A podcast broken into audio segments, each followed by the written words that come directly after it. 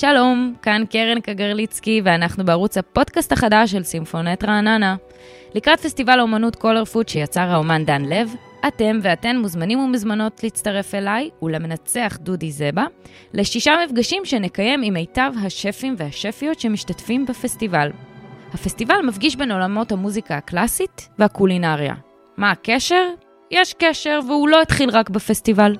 כשכל החושים עובדים במקביל, כשהעין נתפסת על איזה צבע, באותו הזמן שמגיע איזה ריח מסוים, וכשהרגע הזה מלווה במוזיקה הנכונה,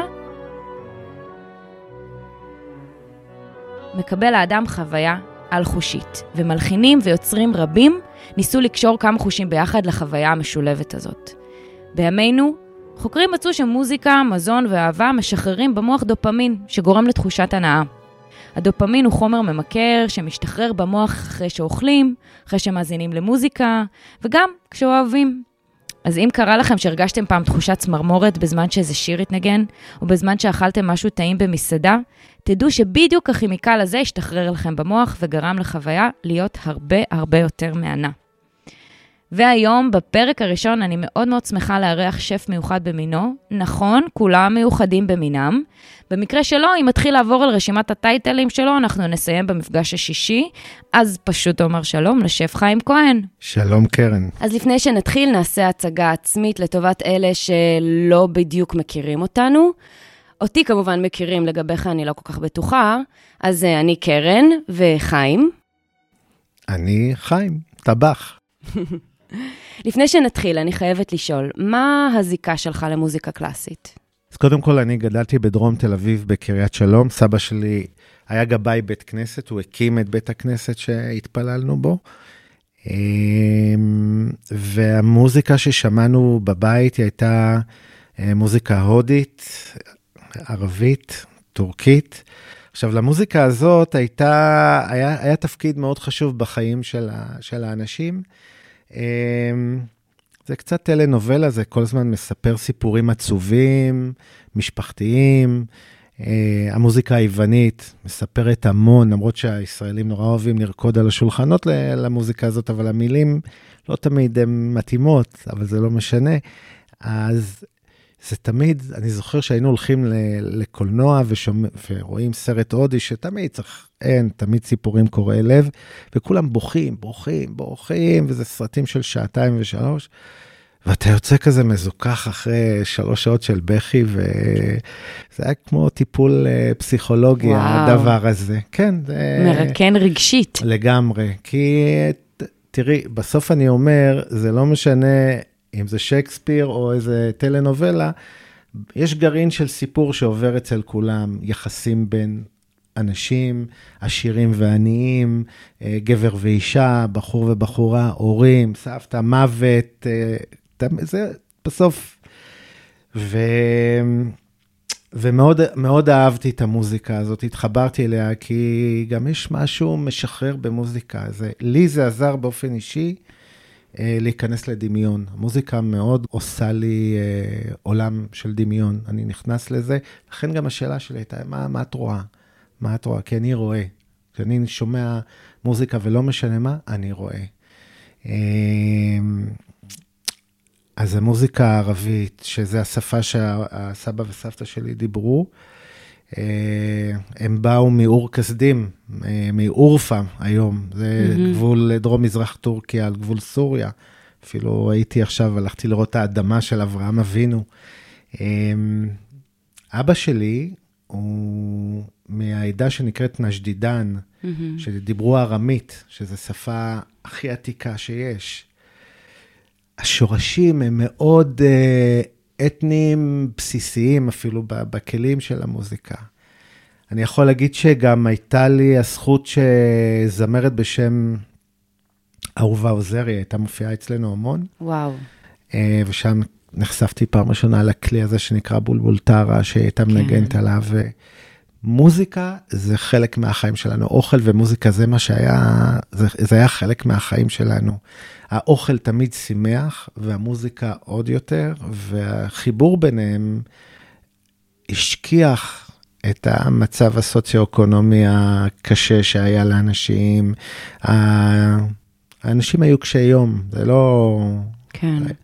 אבל שהייתה מוזיקה ושתמיד בישלו אוכל, כולם בישלו אוכל, לא היה חסר אוכל. לא היה חסר אז כלום. לא היה חסר כלום. העולם, אני יכול להגיד לך שבפעם הראשונה שהבנתי שיש פערים בכלל, זה כשהתלוויתי לאימא שלי לצפון תל אביב, שהיא הלכה לנקות בתים, פתאום אמרתי, וואו, מה זה הדבר הזה? כאילו, כן.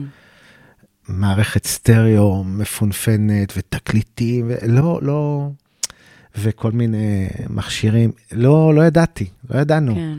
לא היה חסר גם, לא היה צריך, הכל היה ברחוב, הסתובבנו. לא הש... רק יכולנו להישאר בלא לדעת. היינו חופשיים יותר, היה הרבה יותר חופש, היו צרות אחרות.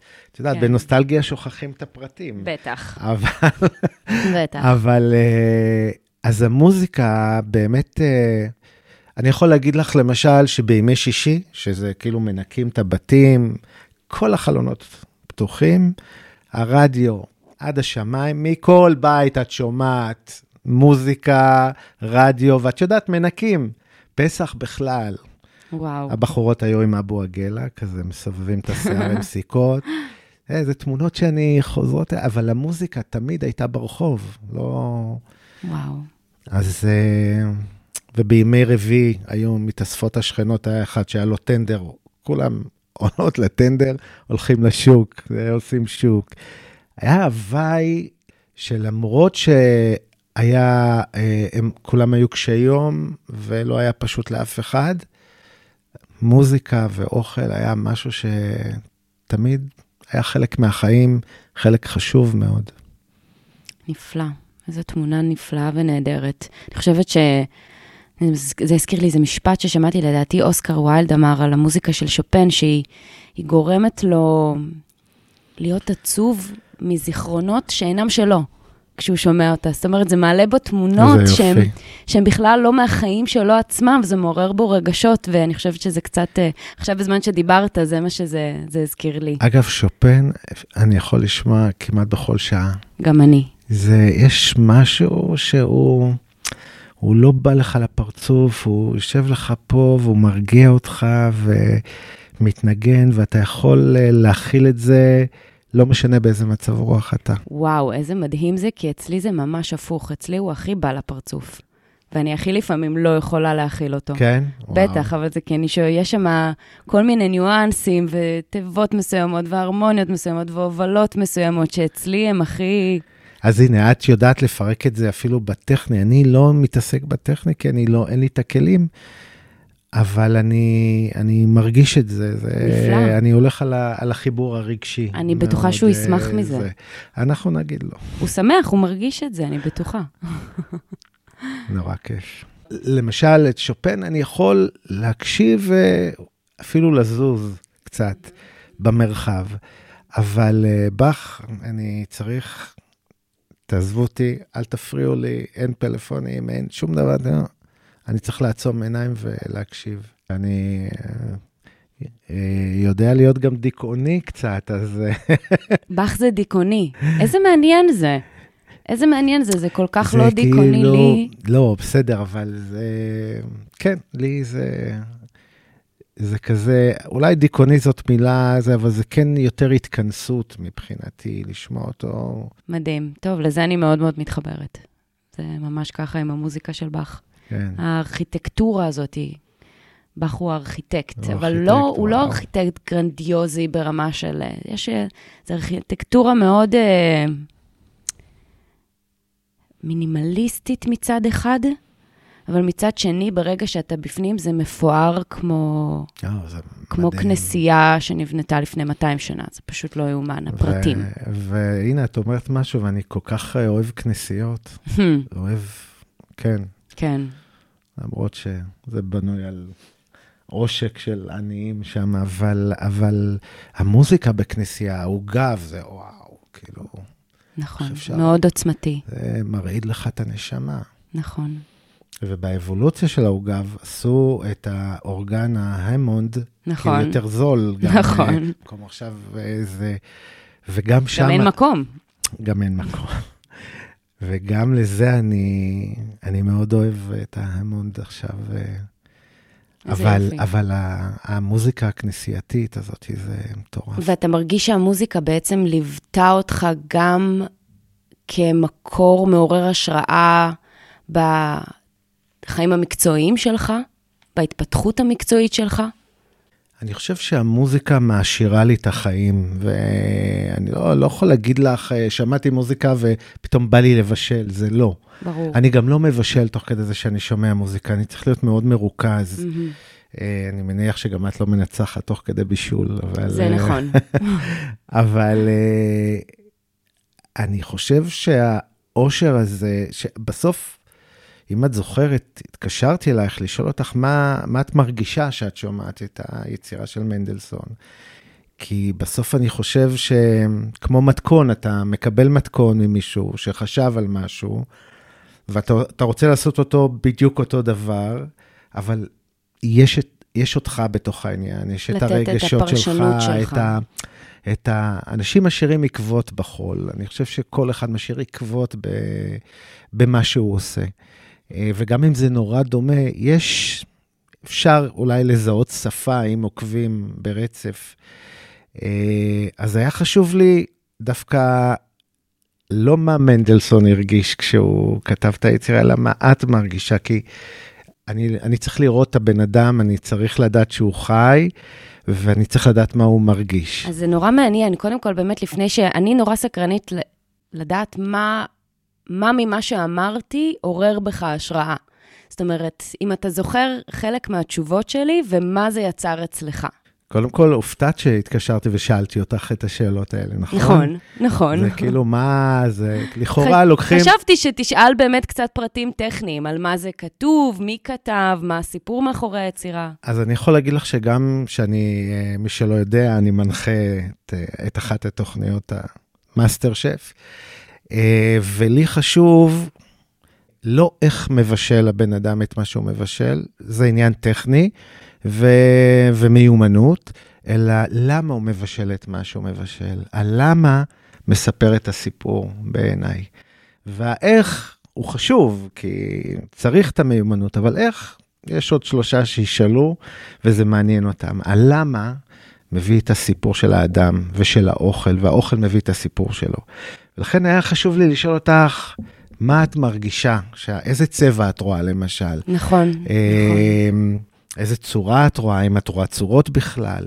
כי זה, רציתי להתחבר אלייך יותר מאשר לכותב היצירה.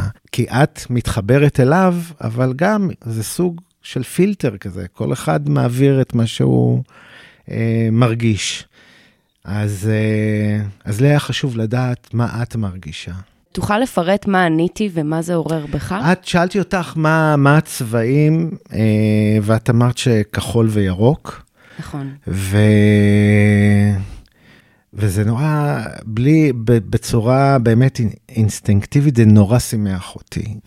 אמ, ולגבי הצורה, את ראית את המערה בעצם, את ראית אה, משהו, עיגול, חור גדול, פתח, אה, אבל אני נתפסתי לצבעים, כאילו זה היה הדבר הזה ש... שקנה אותי, ומשם ניסיתי לה, ל- לראות מה אני מרגיש, כי אני באמת, אני שאני מבשל, אה, יש שני סוגים של אנשים. יש בן אדם שבא עם דף חלק לחיים, ואני מדבר על בישול, בנושא הבישול, ויש לו איזשהו חופש לעשות מה שהוא רוצה, מכל כיוון, מכל מדינה, לשנות. ויש בן אדם שבא משורשים, ואני באתי משורשים של אוכל. אני לא יכול לבטל אותם מצד אחד, ומצד שני, אני, אני יודע שיש אבולוציה בחיים, יש, דברים השתנו, חומרי גלם השתנו, מעמד סוציו-אקונומי השתנה, הכל השתנה. אני חושב גם שבאוכל של פעם, מה שנקרא מושג האוכל של אימא, זה, זה סוג של קלישאה, אבל יש בו אמת הרבה יותר מהאמת של השפים הצעירים היום, כולל אני אפילו. כי באוכל של האימא לא היה אגו. זאת אומרת, אם היה כסף לקנות משהו מסוים, קנו, מעמד סוציו-אקונומי, יכולת. היו פעם עונות השנה, אז זה התייחס, אז כל האוכל שאכלנו התייחס לזמן ש, שזה קרה.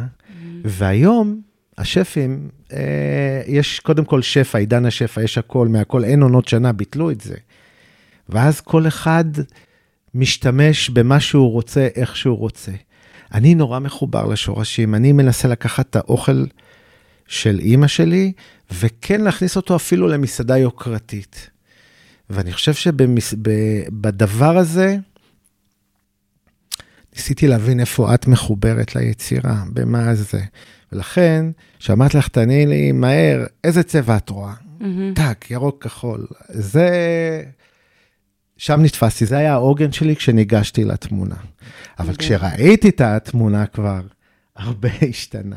אה, באמת? כן, אני אגיד לך מה השתנה. קודם כל, אמרתי, רגע, יש שם, יש שם, זה, זה צילום שיש בו המון תנועה. היד הזאת שמחזיקה ככה את שרביט המנצחים, אמרתי לעצמי, אני לא יכול, לא יכול להתערב בזה. זה היה מושלם בעיניי. עכשיו לך תיכנס לזה, מה, מאיפה בדיוק? אני מאוד אוהב מונוכרומטיות, אני מאוד אוהב uh, ציור של קו אחד, ואני כן. אוהב בישול של חומר גלם אחד. כן. אני לא אוהב אקלקטיות, אני לא אוהב צבעים יותר מדי, אני, אני, אני, אני, זה מה שאני אוהב. יש בזה משהו שנורא מרגיע אותי, הדבר הזה. אני גם חושב שבאוכל, שזה הרבה שפים לא מבינים, יש נושא. גם במוזיקה יש איזשהו נושא. ברור. ועכשיו, מה משרת את הנושא הזה? יש גם את, את האדוות, מה שמשרת את הדבר המרכזי הזה. ובאוכל זה ככה בעיניי. אני חושב שאנשים היום שמבשלים לא מבינים את זה. זה שמים גם וגם וגם מכל מיני כיוונים. זה נורא אינסטגרמי, אבל זה קצת כמו פורנו. זה לא, כן. אני לא, לא מתחבר לזה. כן. ואז ראיתי את הידיים שלך עם השרביט, ואמרתי, וואו, יש תנועה כל כך יפה בצילום הזה, הוא תפס אותך בתנועה, תפס את הידיים בתנועה מדהימה. כן, הצילום באמת מדהים. מדהים. מדהים. עכשיו לך תתחבר, עכשיו הם באו ואמרו, תעשה מנה. אני לא יכול לעשות מנה, זה לא, זה החיבור שלי, הוא עכשיו אחד לצבע שאת הרגשת, ו, ופעם שנייה לתנועה, מה את עושה. ולכן לקחתי לצורך, קודם כל נכנסתי לראות את התמונות ששלחת לי, שזה היה מהמם, וסיפרת לי על אה, צלילי הגלים וה... וה כאילו... אני, אני כמובן גם אפרט עכשיו שאנחנו מדברים בעצם על מערת פינגל של מנדלסון. כן. זו אותה פתיחה אה, שנקראת האיים ההיברידים, שהוא כתב ב-1830, ואני שלחתי לחיים אה, תמונות של המערה, והוא בעצם כתב את היצירה אחרי שהוא ביקר במערה בסקוטלנד, ב... כחלק מביקור, והוא פשוט נפעם מהיופי שלה ומה... ומהמוזיקה שנוצרת בתוכה, כשהגלים בעצם, אה, אה, איך אומרים, נתקעים בה, או נתקעים בה בדפנות המערה, כן. וזה פשוט יצר, המערה בעצם מנגנת ויוצרת צלילים. ועל פי זה הוא החליט בעצם לכתוב את היצירה, שזה... היא, היא מייצרת צלילים והיא מייצרת צבעים גם, כי בהחלט. קצף הגלים הוא בטח. משתנה גם לפי הירקת אה, למטה, ו- נכון. והאור השמש אה, מצליח כן לחדור. אז אני באתי עם חומרים של ים, באתי עם מצות, אה, ובאתי עם קלמרי. ולקלמרי יש זרועות כמובן, והיו שם, זה, זה היה אחד ה, הדברים שאמרתי, אוקיי, קלמרי במיידיות, ועשיתי אה, אה, מעין מרק שעשוי מתפוח ירוק ושומר, ועם זה באתי לצילום. וכשראיתי את הצילום, נחשפתי אליו פעם ראשונה, הבנתי ש... ושיחקתי קצת, ככה הסתכלתי, ניסיתי למקם, הבנתי שקלמרי לא. ואין טעם להכניס עוד זרועות או עוד... אה, הידיים הם שלך, הן פשוט מושלמות שם בתמונה. אבל כן היה ירוק וכן היה קצף, והבנתי ואמרתי להם, תרדו מעניין המנה, אין פה מנה, יש פה, אני מתחבר אלייך, כן. אני לא יכול עכשיו לבוא לדרוס את זה, לתקוע איזה מנה, כי מה, מה הקשר בכלל? ואז התחברתי ולקחתי את האצות, פשוט ככה, התמונה הייתה ממש הונחה על הרצפה כשהמצלמה מעליה, לקחתי את האצות ושחררתי מהגובה שלי. וואו. וזה נפל, וכמו שזה מצולם, ככה זה נפל. אה, וואו. הנה, עכשיו אני גם זוכה לראות את זה. זה מדהים. וואו. בעצם זה כאילו את מקפיצה את זה, בעצם זה מתחבר לתנועה שלך. נכון. ו... ויש את הכתמים הירוקים בין, בין האצות, שזה בעצם הקצף שהקצפתי את, ה, את התפוח ואת השומר, את המיץ הזה, ובזה נגמר. כאילו מבחינתי, אל תבלבלו לי את המוח, מנה, לא מנה, יש, יש פה חיבור אלייך לתנועה של הצילום.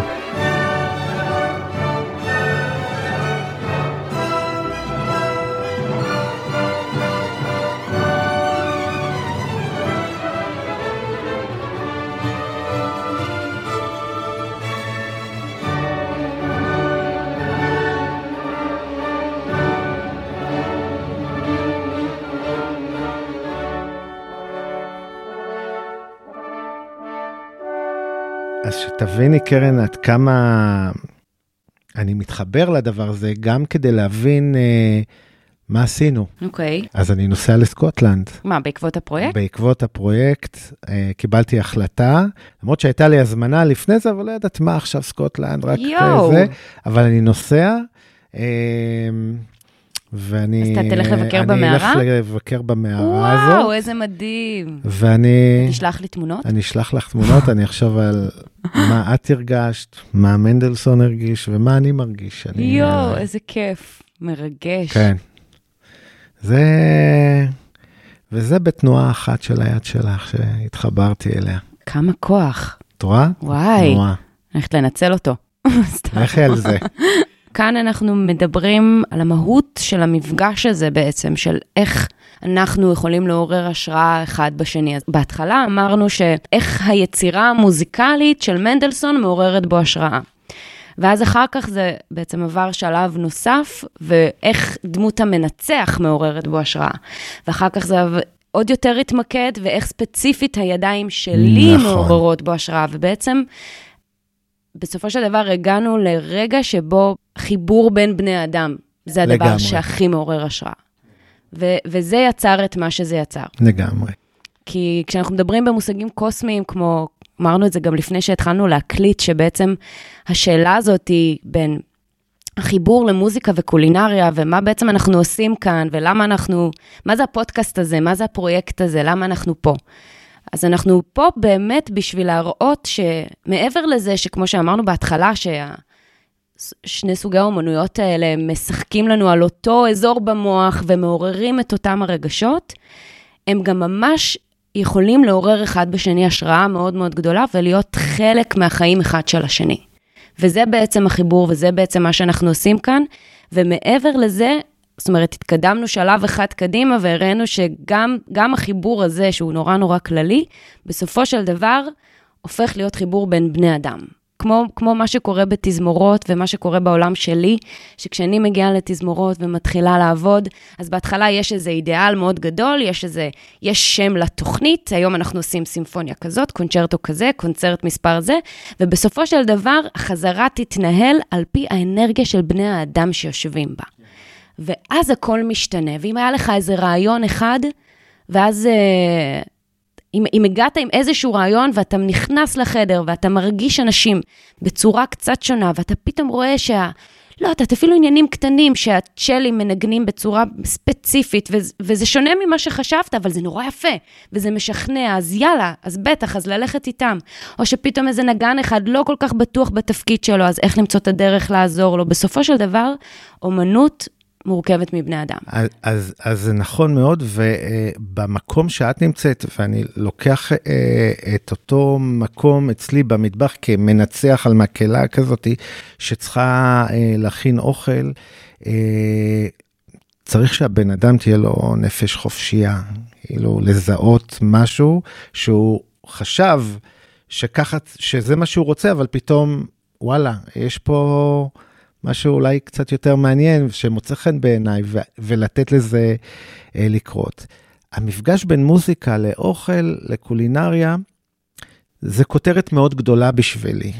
אני כאילו מצמצם את זה למפגש שלי איתך, שלך עם מנדלסון, של מנדלסון עם המערה. צמצמתי את העולם הזה לעולם קטן יותר, כדי באמת uh, לפעול רגשית, אמיתית. וזה מה שגם עזר לי להיפטר מ, אני בא לעשות מנה. לא, אני לא רוצה לעשות מנה. אני מבין, אחרי שראיתי את התמונה, שזה לא עכשיו מנה שאני אגיש במסעדה. אני, כמו שאמרת, אחד פתאום מנגן משהו שלא חשבת וזה, אז, אז אני לא חשבתי, לא כי לא ראיתי את התמונה, את הצילום, כן. אבל מהרגע שראיתי את הצילום, היה ברור לי מה אני מנקה ממני, נפלא. כדי להתחבר, כדי לא להפריע לדבר היפה הזה שראיתי. כדי ליצור. כן. נפלא. ולכן אני אומר, אתה צריך לבוא עם אגו שלא מכתיב לך מצד אחד, אני גם שף גדול, מה עכשיו אני אעשה, אני אראה מה שאני... לא. אתה, אתה צריך להיות פתוח למה שאתה רואה וללמוד להעריך את זה וגם להרגיש. לכן גם, אני שמח ששאלתי אותך, כי היה חשוב לי לדעת מה את מרגישה. ואז ראיתי את התמונה, ואז ניקיתי כמעט את הכל והתחברתי לתנועה הזאת של הדבר הזה. מה אתה הרגשת כששמעת את היצירה? אני uh, ראיתי כל הזמן uh, כחול וירוק. בגלל שאני אמרתי כן, כחול וירוק? כן. כי... אה, אז שאלת אותי לפני שהקשבת. כן. מעניין. כן. היה חשוב לי לבוא... איזו טעות. אה, אני לבוא. זאת לא טעות. היה חשוב לי לבוא מאוד, אה, לא עם משהו בראש שיש לי, אלא לשמוע אותך נקי לגמרי, ולראות איפה זה מתחבר. עכשיו, זה שחשבתי על זה וראיתי את זה, זה אומר שגם אני מאוד מתחבר לזה. נכון, נכון. כי יש, יש את התנועה של הגלים, יש את הקצף, יש את האורות, את האור של השמש. נכון. יש את האבנים, שמה שקרה למערה בעקבות הגלים שנכנסים ויוצאים ויוצרים אה, מפגש אה, שמכרסם עם השנים טיפה באבן. אה, איזה מדהים שהבנת ראיתי- את כל זה מכחול וירוק. ראיתי את הסיפור, ראיתי את הסיפור. עכשיו, אני אומר, יכול להיות שמנדלסון גם ראה סיפור קצת שונה, זה לא משנה. לפעמים אתה שומע שיר, והוא כל כך נוגע בך, אתה אומר, וואי, כתבו את זה בשבילי. ממש ככה. ו- ומישהו, ומישהו חשב, שזה שכתב אולי חשב אחרת. לגמרי. אולי מאזין אחר יגיד, מה זה, אני לא, לא מדבר אליי ישר, אבל יש מוזיקה שהיא נכתבה בשבילי. נכון. ממש. אני גם יודעת מה, זאת אומרת, אני גם מנסה להגיע תמיד לקונצרטים עם, עם מחשבה של, אה, טוב, אני הולכת להעביר לקהל את הסיפור של, שאני רוצה לספר, אבל אם הוא יבין משהו אחר לגמרי, זה מעולה גם. ב- לגמרי. זה גם ממש טוב. ברור. כן, העיקר שאת מצליחה לגעת בו, וזה מה שחשוב. נכון. באוכל יש משהו אה, מאוד קיומי, בסיסי לגוף. ואני חושב שגם במוזיקה יש את הדבר הזה. זאת נכון אומרת, מאוד. אה, אי אפשר, אה, אפילו ב- בבתי כנסת, בחגים, שיש שירה, שהיא תפילה, וזה מרעיד את ה... זה לא משנה אם אתה מאמין, לא מאמין, לא משנה, יש את, התפיל, את, ה, את השירה של הקהל ביחד, זה עושה לי כזה צמרמורת, כן. מאמין לי, ולכן אני גם, אני הבנתי מהר מאוד שאני נורא אוהב מקהלות. מקהלות. כן. הייתי בצרפת לפני המון שנים, ממש, אני חושב, 30 ומשהו שנים, וגרתי ברחוב שנקרא רודז ארשיב, זה רחוב כזה, והייתה שם כנסייה, והייתי הולך לשמוע מוזיקה בכנסייה ב- בימי ראשון שם. איזה יופי. וזה איזה פשוט יופי. האולם הגדול הזה, וה... זה מהמם, באמת. כן, זו חוויה ממש אה, מיסטית, רוחנית, לגמרי, ממש. נכון. כן. אז מוזיקה זה שם, ו... ואם אתה רוצה לחבר את זה לאוכל, אתה צריך להיות מאוד מאוד אה, רגיש לתמונה הכללית, ולא לדחוף אה, את עצמך. נכון. רגיש לתמונה הכללית ומזוקק מאוד לתמונה הפרטית. נכון. זאת אומרת... אה, זה מה שעשיתי בדיוק. בצילום הזה. זה בדיוק בעצם מה שהמטרה הזאת של הפרויקט הזה, היא לא... אנחנו לא באים להראות כאן ש... שזה נחמד לשמוע מוזיקה בזמן שאוכלים, ממש לא. או שזה נחמד לשמוע מוזיקה בזמן שמבשלים, נכון. או איזה מוזיקה מתאימה לאיזו מנה. לא, לא, חס וחלילה. זה ממש לא מה שאנחנו מנסים להראות כאן. אנחנו מנסים להראות כאן שבעצם קיימים שני סוגי אומנויות שפועלים במקביל ולגמרי יכולים להיות מחוברים ברמה ה... הכי, הכי, הכי מדוקדקת והכי פרטנית, ו... זאת אומרת, גם אני. אני מרגישה עכשיו, גם אחרי השיחה עם חיים, ש... שאנחנו שנינו בעבודה שלנו, כל אחד בת... בתחומו, עובד בדיוק מאותו מקום, בדיוק מאותו, מאותו הרגש, ופועל בדיוק באותם אמצעים, וזה החיבור שאנחנו מנסים להראות כאן, שקיים. עכשיו, נורא מעניין אותי, מה היה קורה אם זה היה הפוך? אם הייתי מגיש לך מנה והייתי אומר לך, מה את שומעת? מדהים, זה רעיון מדהים. אבל לא מנה, לא הייתי מצליח, לא יודעת בעצם אם מנה או... או... לא, את יכולה, כמו שאני עשיתי, להתרכז, לקחת משהו אחד מהמנה. כן. ולהתחבר אליו. מעניין. ואני מגיש לך ארוחה, או מנה, או צלחת, ואת תקחי משהו אחד, אוקיי. ותדמייני את ה... שנה הבאה, חברים. יאללה. פסטיבל הבא. בטח, לא, זה, את האמת שזה רעיון ממש אה, מעניין. אני לא יודעת מה הייתי עושה. אני בסדר, ממש נגיע לזה. לנחש או לדמיין לאן זה היה לוקח אותי, אבל זה נשמע מאתגר נורא. To be continue. ממש. אתה מנגן? לא, לצערי לא. בסדר, יש עוד זמן. אני- בין, בין תוכנית לתוכנית, כן. בין פודקאסט לתוכנית. כן, כן. זה שיעור פסנתר.